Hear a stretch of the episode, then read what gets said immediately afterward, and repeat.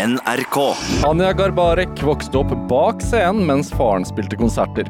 Da hun for alvor fikk massiv oppmerksomhet for egen musikk, satte hun karrieren på hold i tolv år. Nå er hun tilbake med ny plate og forestilling. På veien har hun lært seg å ikke frykte egne følelser, men i stedet bruke dem til noe konstruktivt.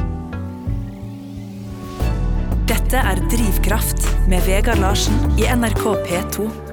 Anja Garbarek, velkommen til Drivkraft. Tusen takk. Veldig hyggelig å ha deg her. Hvordan har du det? Er det en god morgen? Ja, det er en ganske god morgen. Ja. det er det.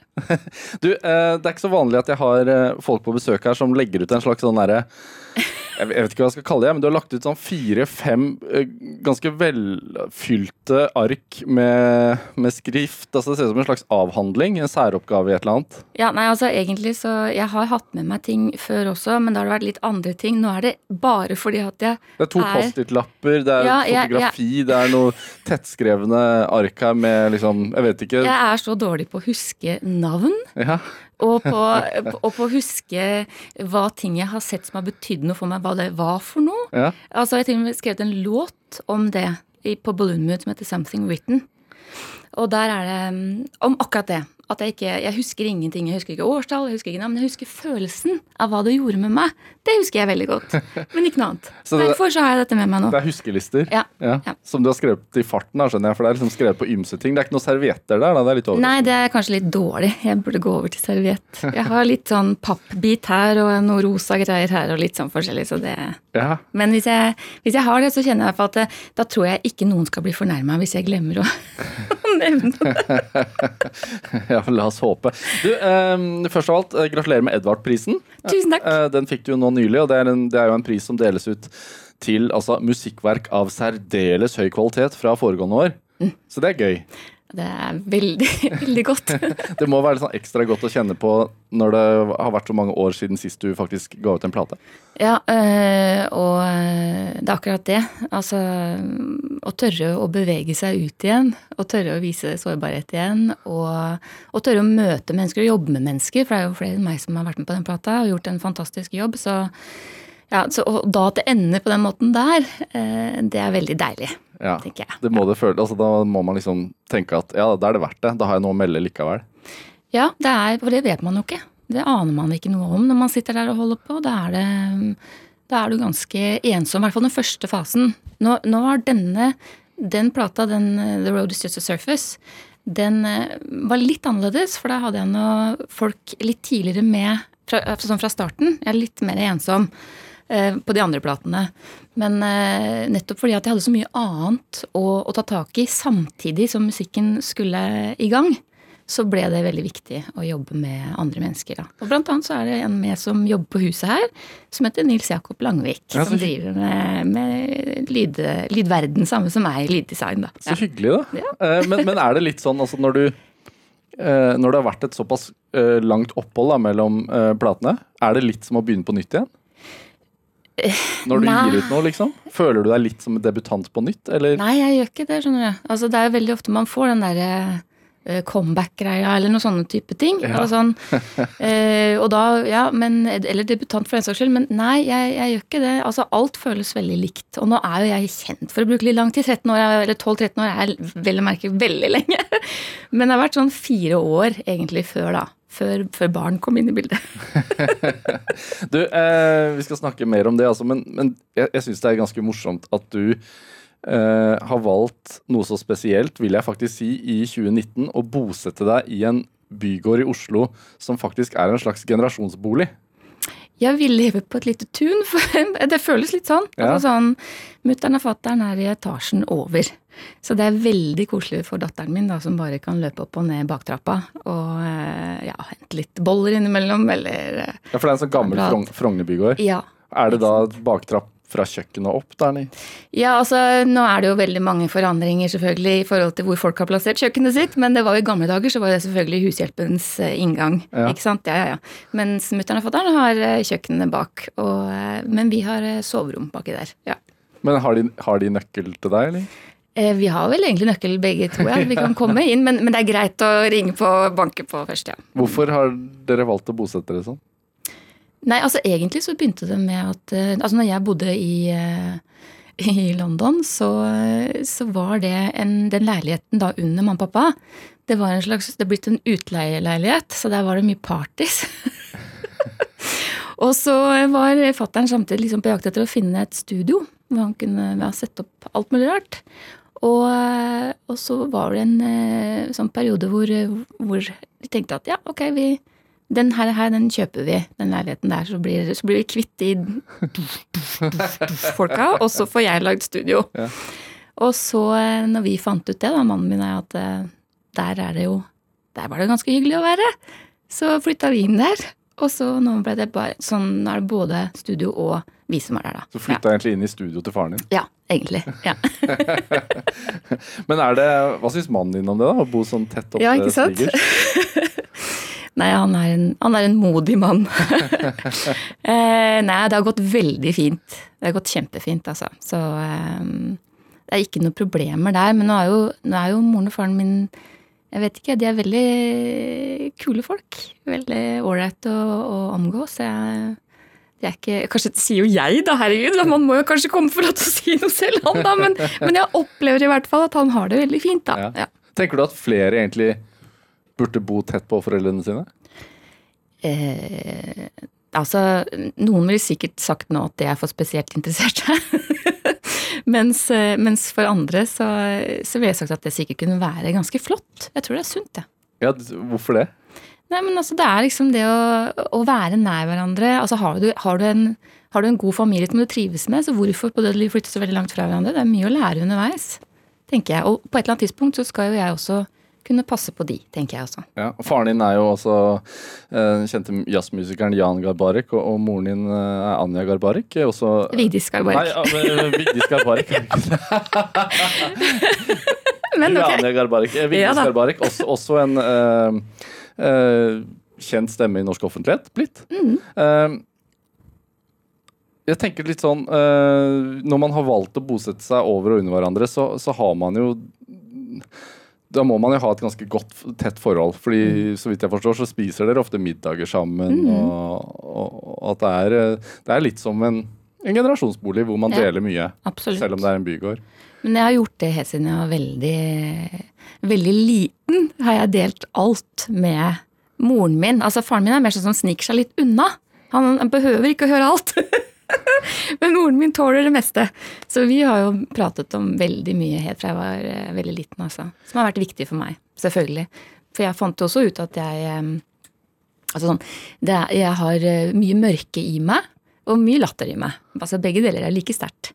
Men det mørke, hvis man ikke har noen som kanskje møter deg og viser deg hva det kan, kan kanskje brukes til, så, så, kan det kanskje bli noe som blir eh, noe som råtner innvendig, og det blir tungt å bære. Eh, mens for meg så var jeg så heldig å bli sett veldig tidlig og, og forstått. Og at det var egentlig noe veldig positivt å ha de eh, motsetningene som den ekstreme gleden og det veldig mørke. At det, hvis du lærer deg å, å bruke, bruke, det, ja, så, eh, så, vil det være en mulighet til å At det er du som er sjefen, da. Det er du som bestemmer. Hvordan så hun det, da? Hun er jo ganske unik der, da, kanskje. Jeg vet ikke. Eh, hun har alltid vært sånn. Hun ser sånt. hun ser folk med en gang hun treffer dem. Så er hun bare spot on. Så eh, du går ikke inn i hjemmet vårt uten å bli sett, for å, si, for å si det sånn. Og det er jo selvfølgelig veldig skummelt for noen, men også veldig deilig for de fleste. Altså, jeg bare tenker sånn på, på i forhold til familien din. altså Farfaren din hadde en veldig spesiell historie. Mm. Eh, tror, tror du den, altså hans historie har hatt en påvirkning på det at dere faktisk liker å være så tett på hverandre? Det kan jo hende. Det kan, det kan hende. Vi har alltid vært veldig glad i hverandre, alle sammen. Så, og vært veldig mye, mye sammen. Eh, så mulig at det, at det, har vært sånn. Men jeg tror allikevel at Sånn som jeg opplever det da, fra min side, så er det jo moren min som har vært det den som har holdt alt, alt i gang. Ja. Altså det har vært det limet, ikke sant. Som har lagd alle, alle historier og alle eventyr og alle Altså sånn ja, sydd ting og lagd ting og, til bursdager og altså sånn. Forfatteren var mye på turné. og, og beste, Men jeg husker at bestemor og bestefar, altså moren og faren til pappa, de var veldig, veldig trygge å være sammen med. Sånn at når um, når eh, f.eks jeg ikke kunne være med på, på turné, og, og, mamma og pappa eller vi skulle noe på kvelden og sånn, og jeg måtte være et sted hvor jeg skulle sove over. Så når vi var hos de da, så var de veldig, veldig snille, rolige, gode, trygge mennesker. Som alltid hadde tid. Og det er jo sånn sikkert eh, alle barnebarn, eller ikke alle, veldig mange barnebarn opplever besteforeldrene sine. Mm. At de hadde tid. men, eh, men, det var et eller annet ved det altså Bestefaren min var liksom så etter all den driten han har opplevd. Ja, bare, for å, bare, for å, informere om det. Altså, så, ja, altså, unnskyld, selvfølgelig. Farfaren din han var, han var polsk krigsfange ja. av tyskerne under krigen. Ja. Uh, så det gjør jo selvfølgelig noe med deg. Men i alt det så syns jeg det er så utrolig rørende å se hva mennesket uh, tåler å gå igjennom og komme ut på den andre siden og ha den varmen og den gleden. Altså en av de Jeg vet at sånn som jeg har blitt fortalt, en av de første jobbene han hadde her, det var å stå på han var på Sten og Strøm, som, som jeg husker det. Det kan jeg tar feil, men jeg, han var på Sten og Strøm, og så var han sånn som tok imot eh, når mennesker kom opp fra rulletrappen, for det var jo helt nytt, ikke sant, rulletrapp. Og da sto han så, sånn, var jobb, og stå da øverst og ta imot. Velkommen. Ja, eller på en måte At ikke du skulle snuble ikke sant, når du skal over fra den, oh, ja. Ja, den trappen som beveget seg oppover. Og så skal du da gå ut på gulvet. ikke sant, Og så skulle han ta imot damene og så pent geleide dem over på gulvet. ikke sant. Det er jo så nydelig, og alle elsket han, for han har en sånn utrolig Han hadde en så utrolig fin uh, utstråling. Og, og, stoppet for alle, passet på, liksom hjalp til og, og pratet med alle. Så det var liksom, og tenk deg da, du kan jo fort bli ganske låst. låst ja, og ikke ville ta del i verden mer, for at mennesket er jo grusomt. Men han gikk akkurat motsatt vei og var veldig interessert i mennesker og veldig interessert i å være til stede for folk. Men for han måtte jo ha opplevd ganske sånn tøffe ting, tenker mm. jeg. Ja da. Og det, det, gjør noe med deg, selvfølgelig. Men du velger i hvert fall Det er jo det, da, ikke sant, at du kan velge å, å la det lukke deg, eller du kan velge å ta sjansen på nytt og på nytt og på nytt og prøve igjen og igjen og igjen og håpe at underveis så fins det mennesker som du møter som det er ment at du skal møte, og da blir det en sånn felles bombe av, av glede. Er det en sånn læresetning du har også? Jeg har egentlig det, ja. Altså sånn fordi at jeg eh, når, du er, når, du er, liten, så er det jo foreldrene dine der for deg, og for meg så var det veldig godt. Fordi at, som jeg sier, så ble jeg sett. Eh, det er jo ikke alle som har det sånn. Men sjokket blir jo da når du skal begynne på skolen. Og du overhodet ikke er så jævla interessant. Fordi alle andre opplever at de er like interessante som deg. alle andre får også oppmerksomhet? Ja, da, altså, og så begynner alt det der med at du skal finne ut hvem du er og hva som ja, ikke sant? Og så, og så blir man såra, og så blir man lei seg, men så må man prøve på nytt igjen, og så må man prøve på nytt igjen. Og så kommer sånne perioder i livet hvor du, hvor du, blir litt sånn sjokkert. Jøss, kan mennesker være sånn mot hverandre? Går det an? Ikke sant? Og så og så nei, nei, nei, men du må bare prøve videre. Du må bare håpe at det skal gå bra. Da er det trygt å bo under foreldrene sine. Veldig bra. Dette er Drivkraft med Vegard Larsen i NRK P2. Og I dag så har vi musiker Anja Garbarek her hos meg. Eh, veldig hyggelig. Altså, for, for, de som Altså, jeg antar jo at de, fleste kjenner deg jo, men for de som ikke gjør det, så, så er du jo musiker. Du debuterte i 92, fikk Spellemannsprisen i 2001, du har gitt ut seks plater. Um, og faren din er, som vi har vært inne på, jazzmusikeren Jan Garbarek, og han er, blitt, uh, han er jo en av våre aller mest anerkjente musikere. Men, men var den, altså Med den bakgrunnen der, og jeg antar at det var liksom musikere inn og ut av huset og sånn da du vokste opp, mm. var det en selvfølge at du skulle drive med musikk selv? Nei. Men det tror jeg nettopp bare fordi at det var så veldig til stede. At det var ikke noe jeg tenkte på engang. At det var en Det var liksom bare der, det. Eh, så jeg skulle jo bli skuespiller. Eh, mye drama som skulle ut. så, eh, så, jeg tok jo den, den veien der etter hvert. Og jeg gikk på Hartvig Nissen skole med drama- og musikklinja. Og så dro jeg på Romerike folkehøgskole. Og så innimellom inni der sånn, så, så fikk jeg jo eh, Altså, jeg var med på en musical som het Papaya-ekspressen, som det var Lars Kilevold som hadde vært med på å ordne.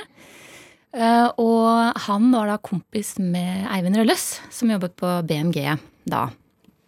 Så han eh, eh, kontaktet eh, Eivind Rølløs og sa at du burde sjekke ut hun hun herre her, her som jeg har nå på Hartvig Nissen her, som synger i min musical. Og så eh, fikk jeg møte fordi da fikk jeg sånn eh, ble jeg kontaktet av BMG, som lurte på om jeg hadde noen eh, demoer eller noe sånt noe som jeg kunne spille. Og du tenkte egentlig ikke på dette her? Nei. Da, men da, det som var bare sånn helt tilfeldigvis, så, så hadde, hadde, jeg stått og improvisert litt da sammen med en kompis av meg som heter Ole Vik. Og lagde ja, bare sånn litt sånn lyder, egentlig, bare med med både kropp og munn og det som var. Eh, så, så, jeg tenkte at ja, jeg har jo for så vidt demoer. Så jeg tok med det inn til han Eivind Rølløs, og han fikk jo ja, litt bakoversveis av det. For han, det var jo ikke noe melodi, ikke sant. Det var jo ingenting sånt nå, så han skjønte ikke helt eh, hva han var ute etter. Så vi ble enige om at jeg skulle inn i studio og prøve å synge et par låter, da. Bare sånn for å se om jeg i det hele tatt kunne synge. Eh, men etterpå så fortalte han meg at, at han syntes at jeg hadde så uh, guts som turte å spille det i full sånn alvor for han. At han liksom ble nysgjerrig nok da, ja. til at uh, han ville prøve. Men var det sånn at det å eventuelt bli musiker var litt for nært? Eh, ja, kanskje. Vet, altså, kanskje det. Fordi at eh, jeg har alltid sittet sånn når vi har vært på Og dette husker jeg veldig godt når vi har vært på eh, Eh, reiser eller hvor som helst, altså på turné eller noe, så satt jeg veldig ofte og, så, og stirra ut av vinduet, selvfølgelig. Og syntes det var veldig deilig. Og, og liksom tankene bare eh, ble borte. Og jeg satt og nynna og holdt på med melodier som, ikke, som liksom bare kom til meg. Men jeg tenkte ikke over at det var noe eh, Det var noe. Men det var liksom helt Det var da du var på turné med faren din? da?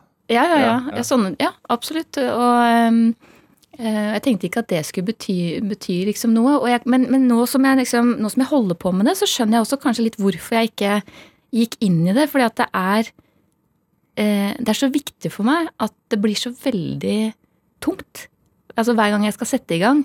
Så, og det var jo også derfor den Balloon Mood fikk den tittelen også nå, ikke, som den fikk. fordi at eh, det er en så stor og tung prosess, og, og det er så skjør, den der hinnen i det øyeblikket hvor du eh, hvor du kjenner at å, nå, nå kanskje nå er, jeg, nå, er no, nå er, det noe der. Nå, er det et eller annet på gang.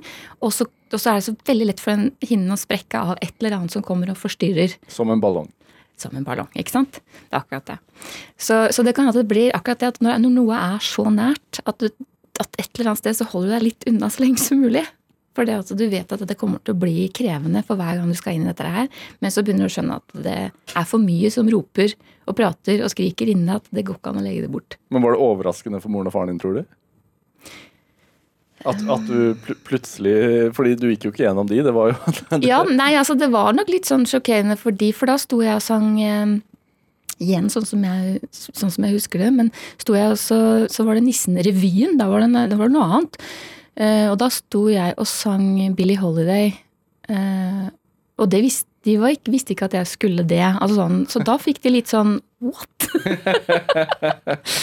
og, uh, og, så ble det veldig mye snakk om det at hm, kanskje du skal begynne å Ja, kanskje det er noe hyggelig. Men de har aldri vært De har aldri pusha meg i, i, noen som helst retning. De har bare liksom fulgt med og, og vært støttende de gangene hvor, hvor jeg har selv bedt om område.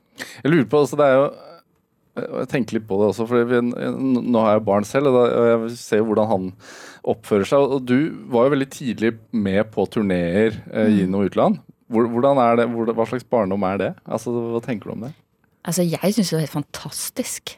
Jeg syns det var helt fantastisk. Og når jeg Altså, alle de som var med også, de var så hyggelige folk. Det eneste som jeg husker var, som jeg syntes var veldig skummelt, og det skjedde veldig sjelden, uh, men det var når uh, Hvis menneskene rundt meg, hvis det var noen som var altså sånn fulle, hvor de var sånn at du ikke altså sånn, Hvis du er dritings, liksom, og du ikke får tak i personen i det hele tatt, da syns jeg det var veldig skummelt. For det, nettopp fordi at jeg ikke da fikk noe blikkontakt. Jeg fikk ikke, kom ikke til personen. Så da kunne jeg bli veldig redd. Eh, så alltid sånn, hvis det var, sånn, hvis det var noen som tilfeldigvis da ikke sant, En annen konsertgjenger eller noe som hadde fått litt for mye innabords.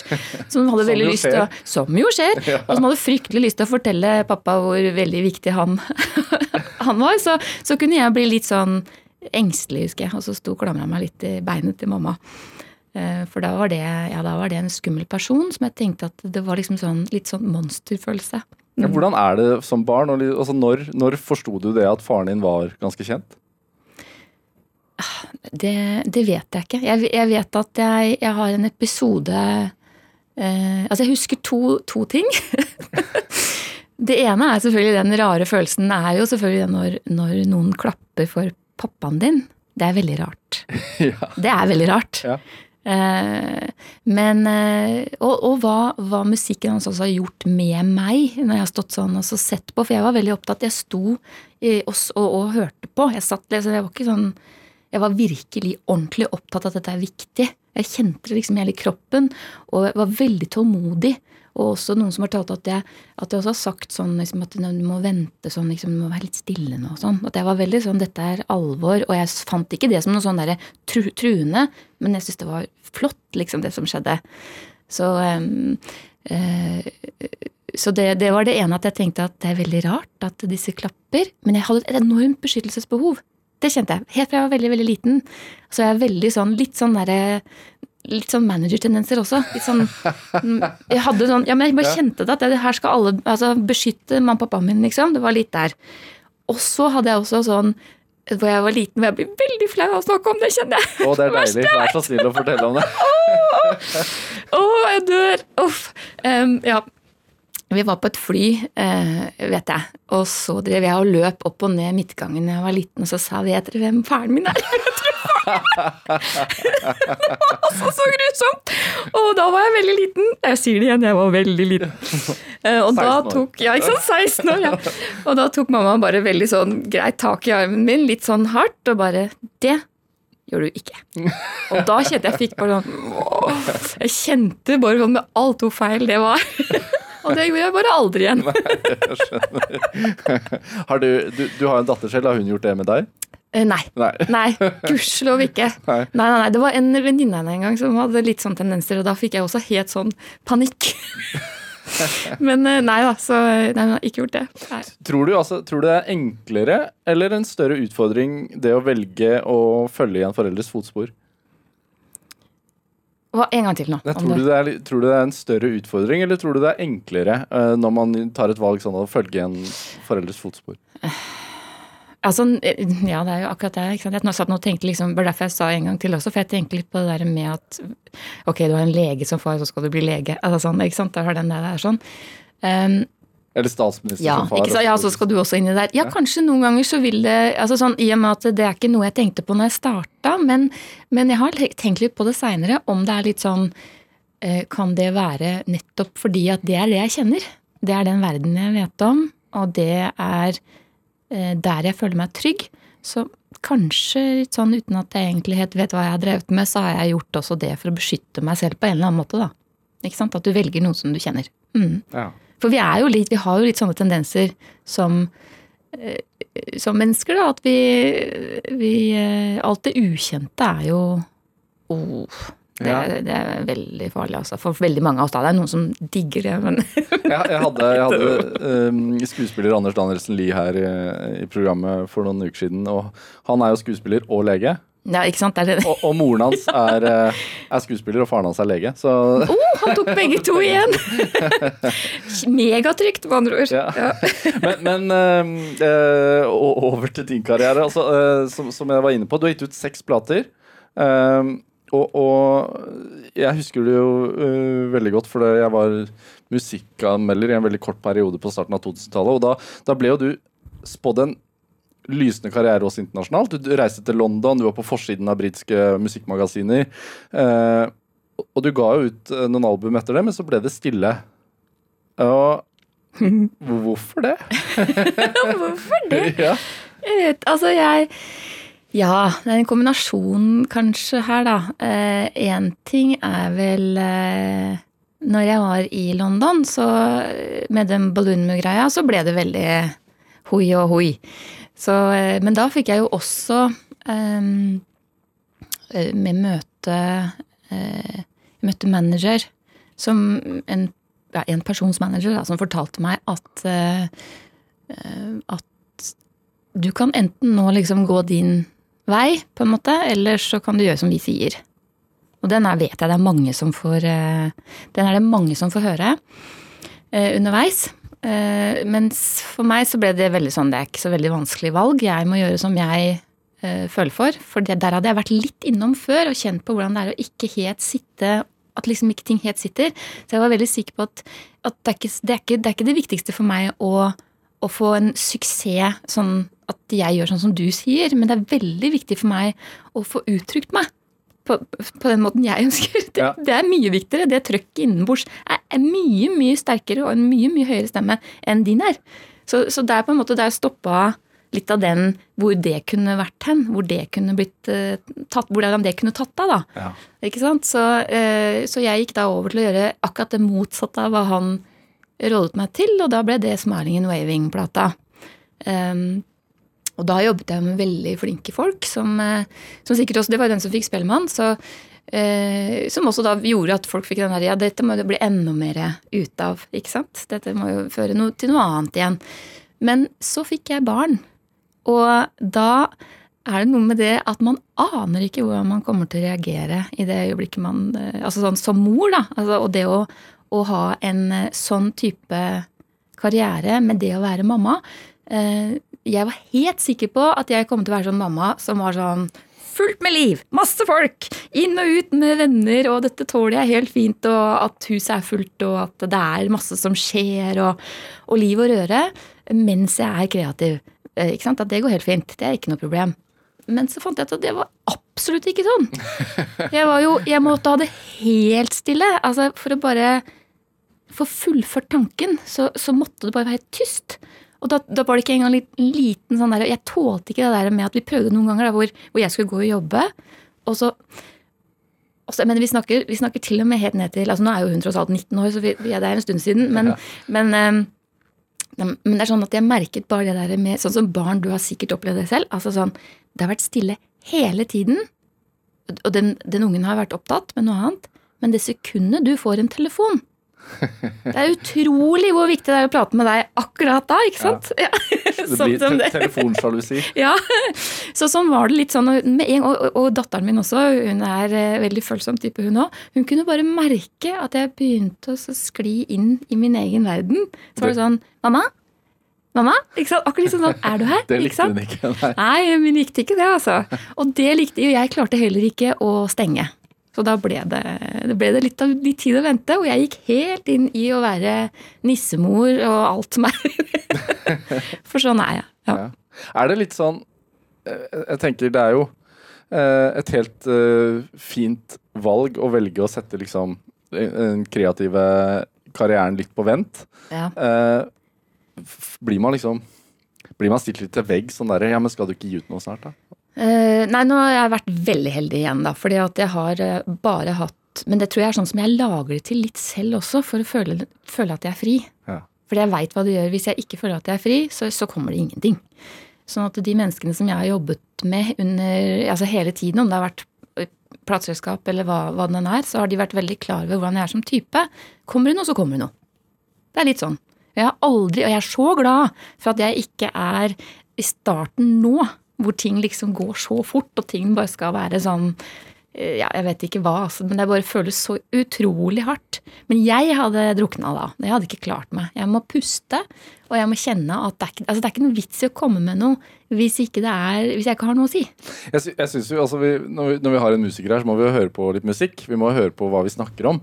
Eh, og du har jo laget eh, en låt som har hva skal man si, en slags forbannelse over seg. fordi hver gang jeg hører den, så blir jeg ikke kvitt den. Okay. Uh, og den, jeg hørte på den nå uh, forrige uke, og nå har jeg hatt den surrende i hodet i hvert fall i fire dager. Uh, jeg snakker om låten The Last Trick, mm. som jo kom ut i 25. Var det ikke det? 2005, ja. ja. Mm. Hva er, hva er, det med den låta som gjør at jeg ikke blir kvitt den? Nei, altså, Jeg vet ikke om det bare er den låta. Men, men altså, det er jo ja, det, For deg er det spesielt den ja. låta. og Jeg snakket med eh, kollegaen min her som er produsent i dag, Fride. Hun, hun sa også jeg blir ikke kvitt den låta. Den ja, bare, men det er bra, det er bra. Har du noen teori om hvorfor? Nei, nei, jeg har ikke noe teori om hvorfor. Jeg, egentlig, jeg tenker mer på det at, eh, at det som, det som, jeg er eh, Det som jeg ble så glad for, for jeg var en som Eller glad og glad, i hvert fall en som sa at, at eh, det er veldig mange rare lyder. Altså sånn De hadde skrevet et eller annet. da, Det er veldig mye rare lyder. Men midt inni der så er det eh, en popteft. Altså sånn at det er melodi. altså sånn at, det har, at du skriver bra melodi. Og da ble jeg veldig glad, for jeg syns det, eh, det krever litt å skrive en bra melodi. Så, så, da ble jeg litt stolt. Ja, Så du tenker det er det? det, er, det jeg syns det er et litt vagt svar. da. Ja, det er en bra melodi, det er derfor den klistrer seg sånn. men jo, men vet du hva? Det kan være en annen ting også som gjør det. For at jeg, jeg er veldig glad i sånne Alt som er litt sånn eh, erta-berta Altså, det er liksom litt den derre ja, det, er liksom litt, litt, sånn. litt der. Ja. Så det er kanskje derfor. yes, Da er dette en advarsel til lytterne. Nå kommer The Last Trick, i hvert fall deler av den, så den kommer til å være med deg et par dager fremover.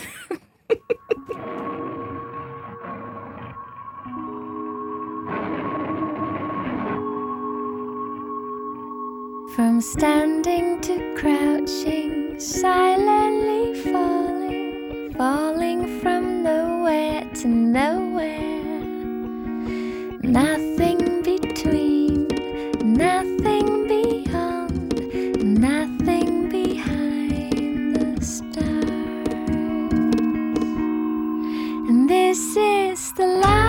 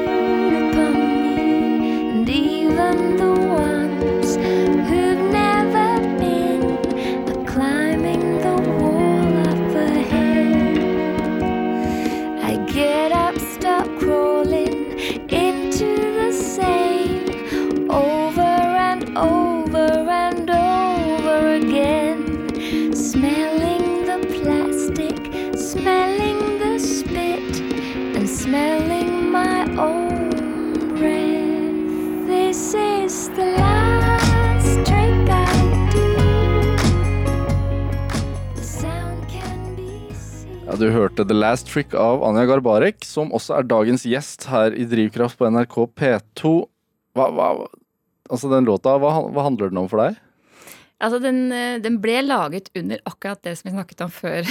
før den, ja, den prosessen liksom, hvor, hvor, det, altså, hvor, det, kjente på den det, det, å bli dratt mellom det å være, være, til stede som mamma og det å være et kreativt menneske.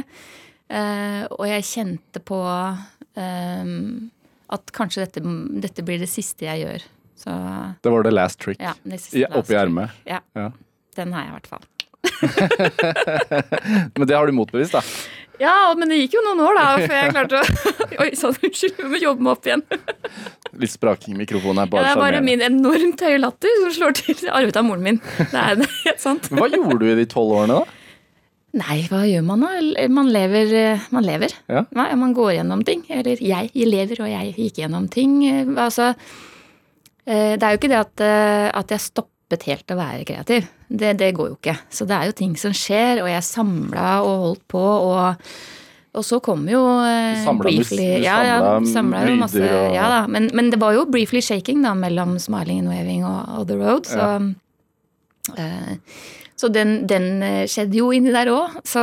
Men alt har vært en sånn reaksjon på eh, altså på sånn det igjen, da, den, det mørket, og hvor det tar meg hen, og hva som var liksom hva jeg sier til meg selv underveis, og hvordan jeg kan liksom dra meg selv ned, og så skal jeg hente meg selv opp igjen, og så eh, også bilder på det, da. Det å være nede i det mørket, det syns jeg er interessant. Hva skjer, hva skjer der, da? Nei, der er jo For meg, da, så er det, det er jo der kreativiteten ligger. Og det gjelder jo også veldig mange, tror jeg. At det er liksom i melankolien og sårheten og Eller sårbarheten. Mer ikke sårheten, men sårbarheten.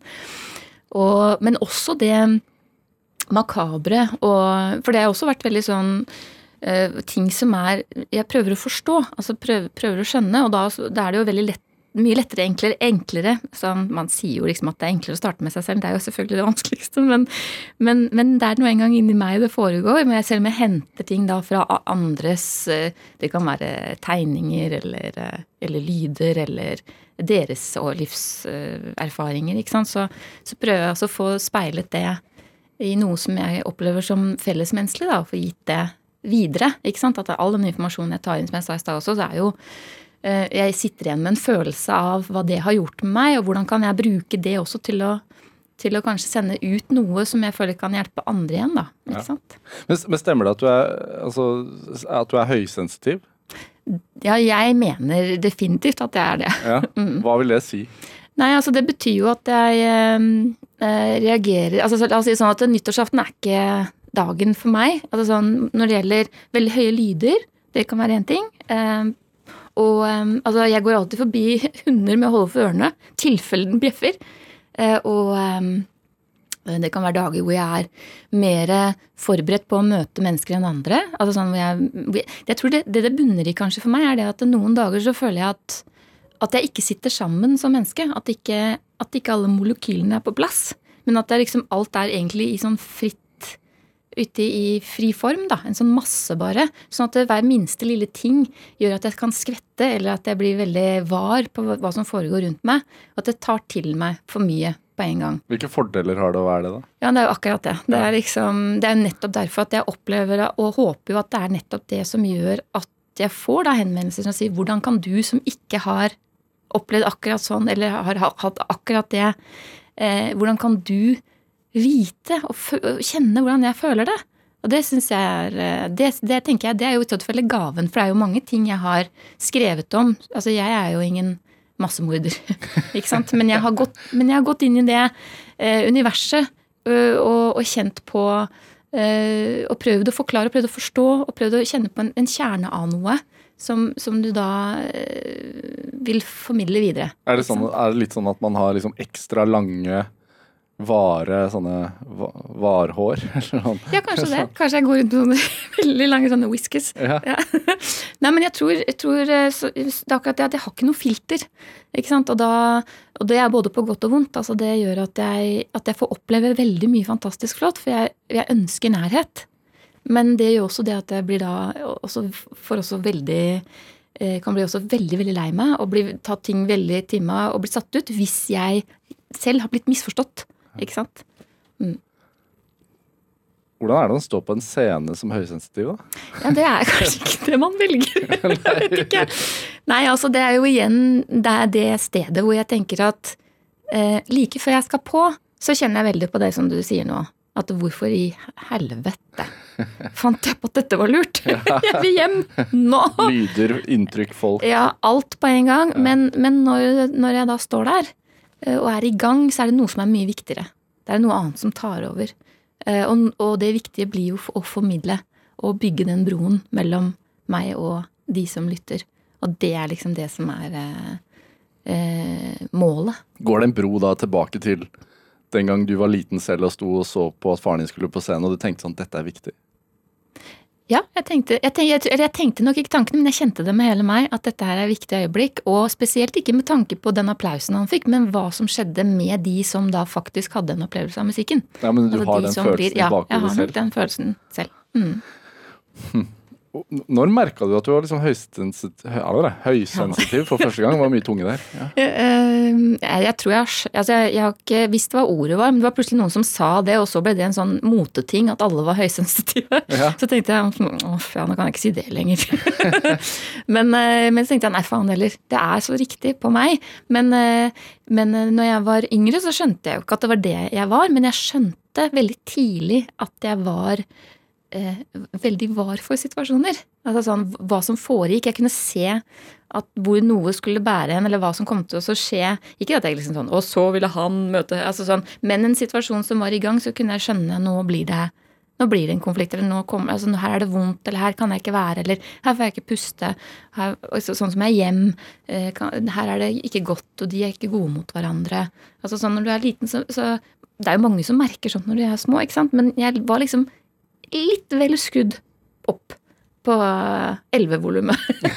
Men har man da også et større behov for å Hvile. Hvile? Ja, Ja. nemlig. Det er akkurat det, ikke sant. Så når jeg da gir masse, masse, masse, masse, masse For jeg blir også veldig opptatt av å få an, altså at andre skal føle at de har blitt sett.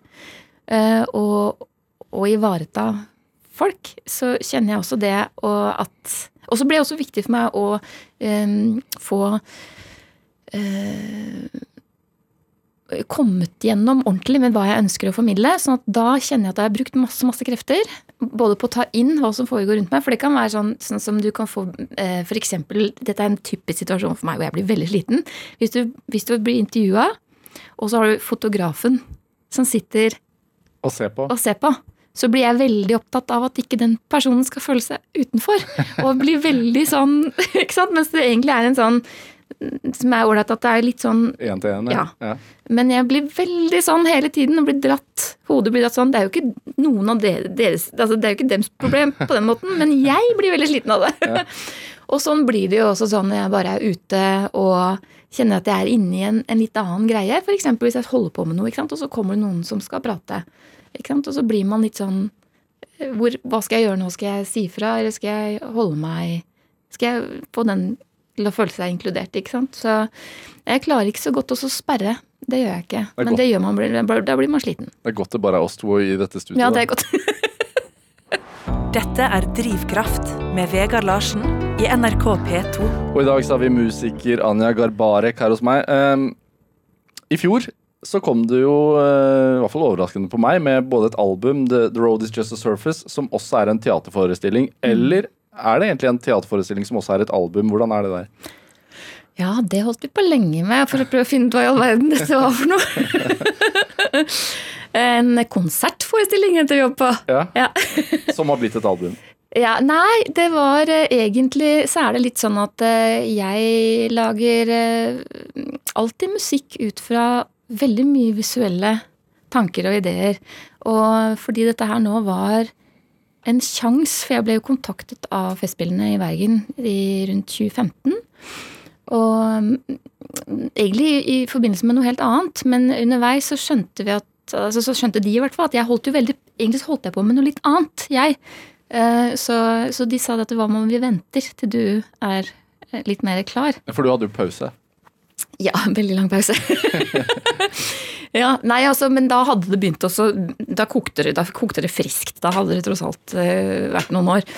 Så, um, så da bestemte vi oss for å vente, og fordi at de også da altså Festspillene er jo veldig glad i å prøve litt andre ting.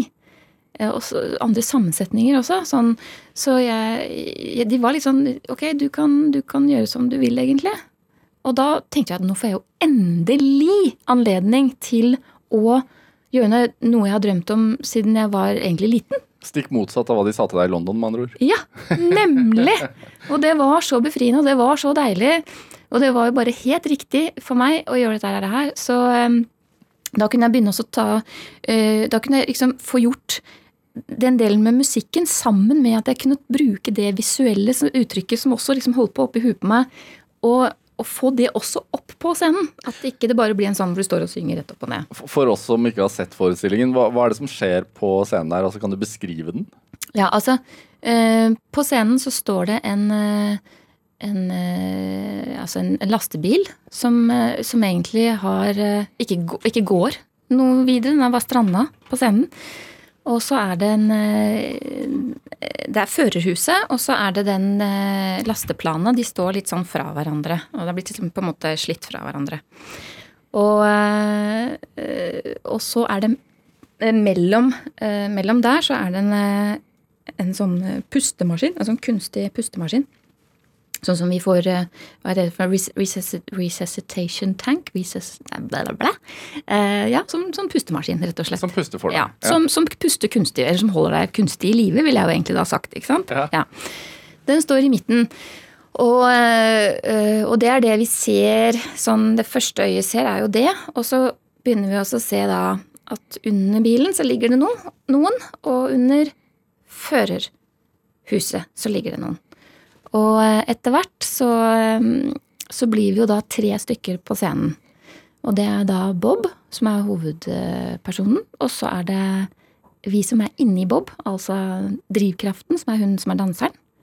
Altså hans drivkraft. Og så er det meg som er bevisstheten hans. Eh, så, som forteller og synger. Som forteller og synger, nemlig. Og, og så Og hvordan har Bob det inni seg? Ja, det er akkurat det. Så han sliter fordi alt det som var han, altså denne store, flotte lastebilen, dette, liksom, dette er meg, det funker ikke lenger. Og sånn er det jo I hvert fall så kan man oppleve det i livet at man rett og slett ikke Det som var deg, det som, eller kanskje du trodde var deg, da, som kanskje er egentlig litt sånn litt sånn kunstig imageri, kanskje for å overleve litt der ute. En slags sånn fasade, da. Det funker ikke lenger. Du er nødt til å, å, å eh, finne en annen måte å, å, komme i bevegelse igjen på. da, Å komme deg framover i livet på. Så, eh, men han er så desperat, så han bruker jo han, Det er jo flere ganger under denne forestillingen han prøver liksom å få den dårlige lastebilen til å funke igjen, og den pumpemaskinen står og holder alt liksom kunstig da i livet, alt det der gamle dritet hans. Um, og eh, etter hvert, da, så um, På slutten der så er det uh, Henter man vel egentlig bare kjernen av, av han ut fra den lille, lille sånn lykta foran på lastebilen. Så er det en sånn litt, bitte lite lys igjen som, som jeg henter. Uh, og tar med meg videre sånn at det skal lyse liksom veien for han. Men han får på seg da Supermann-drakt. For, for meg så da er det sånn kjempesymbol på hvor fantastisk jeg mener alle mennesker er som tør å prøve på nytt og på nytt og på nytt. Ja, For det er det forestillingen handler om? Ja, å tørre å bevege seg. Tørre å Gå ut av gamle ut av komfort, ja, ja, ikke sant. Gå, gå ut av komfortsonen og, og være superhelter i all sin sårbarhet. Det syns jeg er helt herlig. Hvorfor, hvorfor er det et viktig tema for deg, da? Eh, det er nok fordi at helt siden jeg har vært liten, så har jeg sett at, eh, at, hvis du viser at du har følelser eller er sårbar, så blir det sett på som en svakhet, og det er jeg veldig uenig i. Jeg opplever at det er en enorm styrke, og før så var jo det en av de tingene, altså de menneskene som, som hadde den varheten, da, de var veldig ofte de som, som guida f.eks. en hel landsby eller ja, osv. Det er de som hadde eh, ble sett på som, som styrke, da. Det, Uh, vi jo, begynte jo å snakke i denne timen her litt om moren din, mm. uh, Vigdis Garbarek. Hun har jo vært veldig åpen om egen angst. Mm. Uh, og om veien ut av det, og, og, hun har skrevet flere bøker om dette. her. Altså, har du hatt det i bakhodet når du har skrevet forestillingen også? nei, ikke bevisst. Nei, nei For det er igjen da, sånn jeg tror at når noe er så nært livet, livet så er det, altså, det er nok sikkert der. Det eksisterer jo, ikke sant. Sånn, men det er jo nettopp altså det, det, er noe, det, er ikke noe, tvil om at hun har hatt en innvirkning på meg. Det er det ingen tvil om. Fordi vi har jo vært veldig tett. Altså Pappa har vært mye på turné, og det har vært veldig mye mamma og meg. Så eh, at jeg har ja, jeg har sett, eh, sett henne i situasjoner, og, og, vi har kost masse og, og prata masse, og hun har vært veldig bra på å forklare. Men der, det at hun har hatt den angsten også, gjør jo også at hun har en sånn utrolig tilstedeværelse. Sånn, jeg husker da jeg var liten også. det var det hun har lært meg gjennom å fortelle, og hun fant på eventyr, ikke sant. Og hun fant på eventyr om de kalde og de varme hendene. Og det var liksom sånn Det var sånne, litt sånne ting som var sånn viktig, uten at jeg i det hele tatt skjønte uh, så mye Ikke alltid hva hun sa, men jeg skjønte igjen da den derre hvor viktig det egentlig var. Fordi at jeg fikk empati så det sto etter i forhold til uh, hva folk kanskje går gjennom her i livet, da. Og, og ha det der lille øyeblikket hvor du stopper opp og tar deg litt ekstra tid da, til å ta en prat. ikke sant? For det fremstår for meg som om du har et veldig rikt indre fantasiliv. Det har jeg. Det har du. Absolutt. eh, og, og, og Kanskje du arvet det av henne? Ja, det er eh, nok eh, veldig mulig. Eh, fordi vi har veldig samme humor. og når jeg forklarer også Når jeg forklarer ting til henne, så tar hun det med en gang.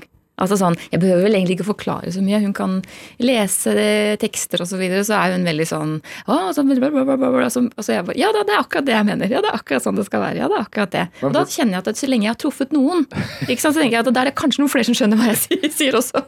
Men hvordan arter det seg for deg, da? Dette rike, indre fantasilivet? Jo, men altså, det er um det er helt fantastisk, syns jeg, å være der. Da. Jeg er ikke noe redd for det. Eh, jeg syns det er et godt sted å være. Og eh, for meg er det andre veldig eh, kjedelig, egentlig. Litt sånn dødt. Så, så jeg syns jo det er et veldig fint sted. Jeg, mens jeg vet at for eksempel datteren min er jo litt mer sånn skeptisk til, til, den verdenen der, da. Hun syns den er litt mer skummel. Jeg husker i hvert fall når hun var liten, så var det ikke så uh, greit at jeg leste eh, sånn, som, sånn, som, jeg husker at moren min leste for meg, eller fortalte eventyr. Så så, ehm, så, var jo jeg veldig Ble helt sånn fascinert av den stemme, at hun skiftet stemme. Altså, det, ja, det, ble forskjellige mennesker, ikke sant. Mens datteren min ble bare redd. Syntes det var kjempeskummelt når ting forandret seg. Mens for meg så har det vært, vært veldig sånn det, det, er godt, og det er spennende, og det er forskjellig, og det skjer ting, og det er mye å hente derfra, da, tenker jeg. Ja, Du kan ikke bli redd for din egen fantasi? Nei, ikke, i hvert fall ikke nå lenger. Altså, I drømmer da jeg var liten, så kunne jeg jo holde på altså, Da var det jo helt forferdelig. Da var det jo krokodiller på badet og tikking og rare mennesker som kom inn med store hatter. Og, altså, da var det jo mye mer heftig. Men, eh, men, nå så ser jeg mer på det som en, en fin ting. Altså, The Road Is Just A Surface, altså forestillingen din og albumet. Eh, jeg, jeg skjønner jo at det ble inspirert av at du så et bilde av en lastebilsjåfør. Ja, stemmer. Mm. Mm. Det han har jeg med meg. Du har det med deg også. Ja. Sånn. Nå skal du få se, bare så du har, du har sett det du også. Jeg kan jo se lytteren se, ja? Det er, ja, det er en mann som da sitter og hviler inne i førerhuset sitt. Det fikk faktisk eh, annenplass. Eh, det er Line Ørnes eh, Søndegård som har tatt bildet. Og hun hadde et prosjekt som het Hviletid.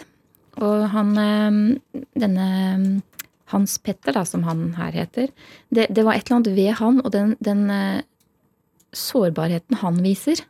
Der han sitter og hviler og er liksom dette, Nå kjenner jo ikke jeg Hans Petter, men det satte i gang så mange ting oppi hodet mitt når jeg så det bildet. Fordi um, jeg har jo holdt på å samle inn masse, uh, masse fra dokumentarer jeg har sett, og, og, og, og det landa liksom inni det bildet. Alt jeg hadde ble veldig Ble liksom Vet ikke det Det ser jo ut som en mann som har, er på vei til å gi opp. Litt. Ja, og er, han ser så ut som Bob. Eh, han mann. så eh, ja da, han ser ut som han eh, holder på å gi opp, men samtidig så ser han også ut som han også kunne sitte bare være fire år og skal egentlig ned på gulvet veldig snart å ta på seg pysjbuksa. Altså, det er en sånn blanding, da. Så du kan velge selv litt. sånn, Hvor vil du gå hen? Og det er litt sånn som jeg tenker, sånn holder vi jo på også. Vi har dager hvor vi ser ut som vi skal gi opp, men så er det egentlig ikke vanskeligere kanskje enn å bare ta på seg pysjbukse. Ikke sant? Litt sånn. Tror du eh, Denne kreativiteten din, tror du at man kan lære det? Å være kreativ? Nei. Nei? Nei. Hvordan jobber altså, du med kreativ. det? Du kan sikkert Nei, altså Nei, jeg tror, du, jeg tror at det liksom Det er litt sånn at du må på en måte ha noe som du ønsker å formidle. Nå snakker jeg ikke da om noe sånn derre Jeg um, ønsker å Altså sånn, for eksempel hvis du er politiker, så har du også ting du ønsker å formidle. Så, så, det er ikke den delen jeg snakker om, men du har en, en et eller annet uh, uforklarlig. Altså jeg, det her, her, er jo det som vi alltid har prøvd å, å sette ord på, men, uh, som er liksom den kreativiteten. Men nei, jeg, jeg er ikke helt uh, Nei, jeg tror ikke du kan lære det. Jeg du, altså jeg ikke, ja, men jeg tror at du kan lære deg selv å, å, putte deg Hvis du i utgangspunktet er et kreativt menneske, så tror jeg du kan putte deg selv i situasjoner hvor du henter, hvor du blir inspirert. Det tror jeg du kan gjøre. For det vil være perioder hvor du ikke eh, Noen ganger så kommer det bare veldig lett, men så vil det være perioder hvor du er nødt til å faktisk jobbe litt for å komme inn i det igjen. Og da, da, er det godt å da kan, såkalt, da kan, du lære deg selv til å finne ut av hvordan du skal finne fram til de, eh, altså, til de tingene som er triggere, da. Ikke ja. sant? Men selve det å, og, og, liksom Enten så har du det, eller så har du det ikke, tror jeg. ja, men jeg tror det er litt sånn. Ja, ja. Det er min mening. Det kan vel sikkert både være en, en god ting og kanskje også en det er slitsomt. Det er slitsomt ting å ha. Ja, ja, ja. hva, hva, tenker du er drivkraften din, egentlig? Min drivkraft er å smelte sammen med. Altså uansett hva det er, om det er med mennesker eller med, med i det jeg holder på med, er jo det øyeblikket hvor jeg kjenner at nå er, nå er man i ett med det man gjør, eller i ett i, med det mennesket.